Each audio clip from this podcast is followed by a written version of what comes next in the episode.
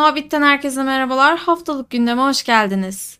16-23 Ocak 2022 haftasında yani yılın 3. haftasında kripto para sektöründe neler yaşandı hep birlikte bir bakalım. Öncelikle geçtiğimiz haftanın özetine bir bakalım. Bitcoin alımlarıyla gündemden düşmeyen El Salvador'un devlet başkanı Nayib Bukele, Cumhurbaşkanı Erdoğan'la görüşmek üzere Türkiye'ye geldi. Walmart, Metaverse'e girmek amacıyla birçok patent başvurusu yaptığını açıkladı. OKX adını OKX olarak değiştirdi.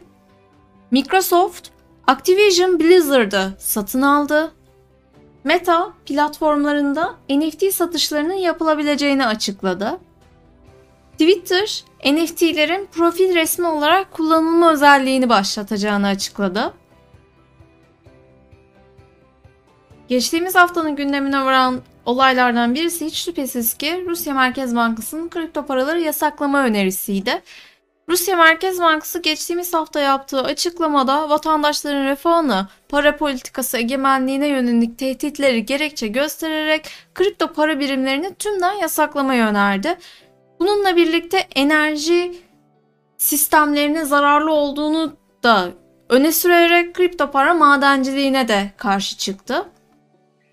Ancak bütün ülkeler bildiğiniz gibi Rusya gibi değil. El Salvador Bitcoin'i yasal bir para birimi olarak kabul ederek bir ilki gerçekleştirmişti ve El Salvador'un devlet başkanı Bukele Cumhurbaşkanı Erdoğan'la görüşmek üzere Türkiye'ye geldi. Beştepe'de görüşme gerçekleşti ve görüşme sonucunda 6 anlaşmanın yapıldığı ifade edildi. Kripto para dünyasında görüşmeler son bulmuyor. Özellikle de Türkiye'de. AK Parti ve Binance TR'nin görüşmesi gerçekleşti. Ardından da Binance'dan bir açıklama geldi. Binance TR resmi Twitter sayfasından bir açıklama yaptı ve kripto varlıklara ilişkin düzenlemenin ekosistemi büyütmesi ve güçlendirmesini temenni ettiklerini ifade etti ve her türlü yardıma açık olduklarını ifade etti. Bu açıklamadan sonra AK Parti Grup Başkan Vekili Mustafa Elitaş da bir açıklama yaptı. Elitaş, kripto paralarla ilgili görüşmelerdeki amacın yasaklayıcı değil de düzenleyici bir yasal düzenlemeyi ortaya çıkarmak olduğunu ifade etti. Ve geçtiğimiz günlerde çıkan %40 vergi iddialarını tekrar yalanladı. Amerika Birleşik Devletleri'nin Merkez Bankası FED çok uzun zamandır beklenen Merkez Bankası Dijital Para Birimi raporunu yayımladı. Raporda dijital para biriminin olumlu veya olumsuz yanlarının incelendiğini ifade etti. Yapılan açıklamada Merkez Bankası dijital para birimlerinin Federal Rezerv gibi bir Merkez Bankası'nın sorumluluğunda olduğu ifade ediliyor. Olumlu yanları olarak hızlı ödeme seçenekleri ve güvenli dijital ödeme seçeneği olduğu yer alırken olumsuz yanlarının da olabileceğine dikkat çekiliyor. Bununla birlikte 22 soruluk bir anket yayınladı FED. Bu ankete göre de e, kararını belirleyeceği ifade ediliyor.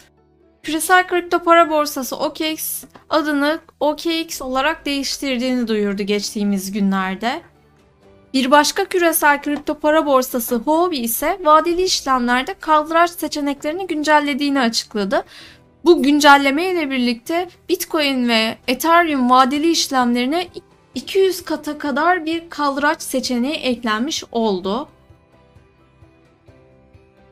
Microsoft Activision Blizzard'ı satın aldığını açıkladı.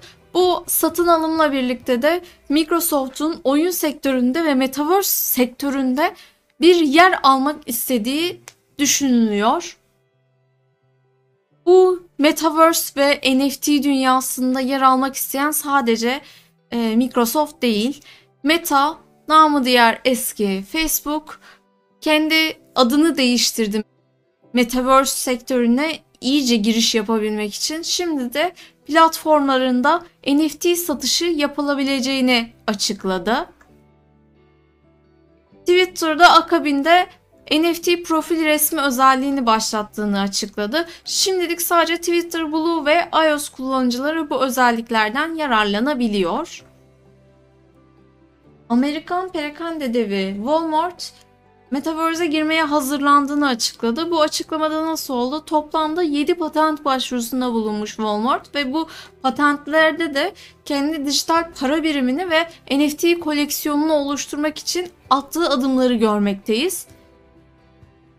Haftalık gündemden bu kadar. Haftaya tekrar görüşmek üzere. Herkese iyi akşamlar.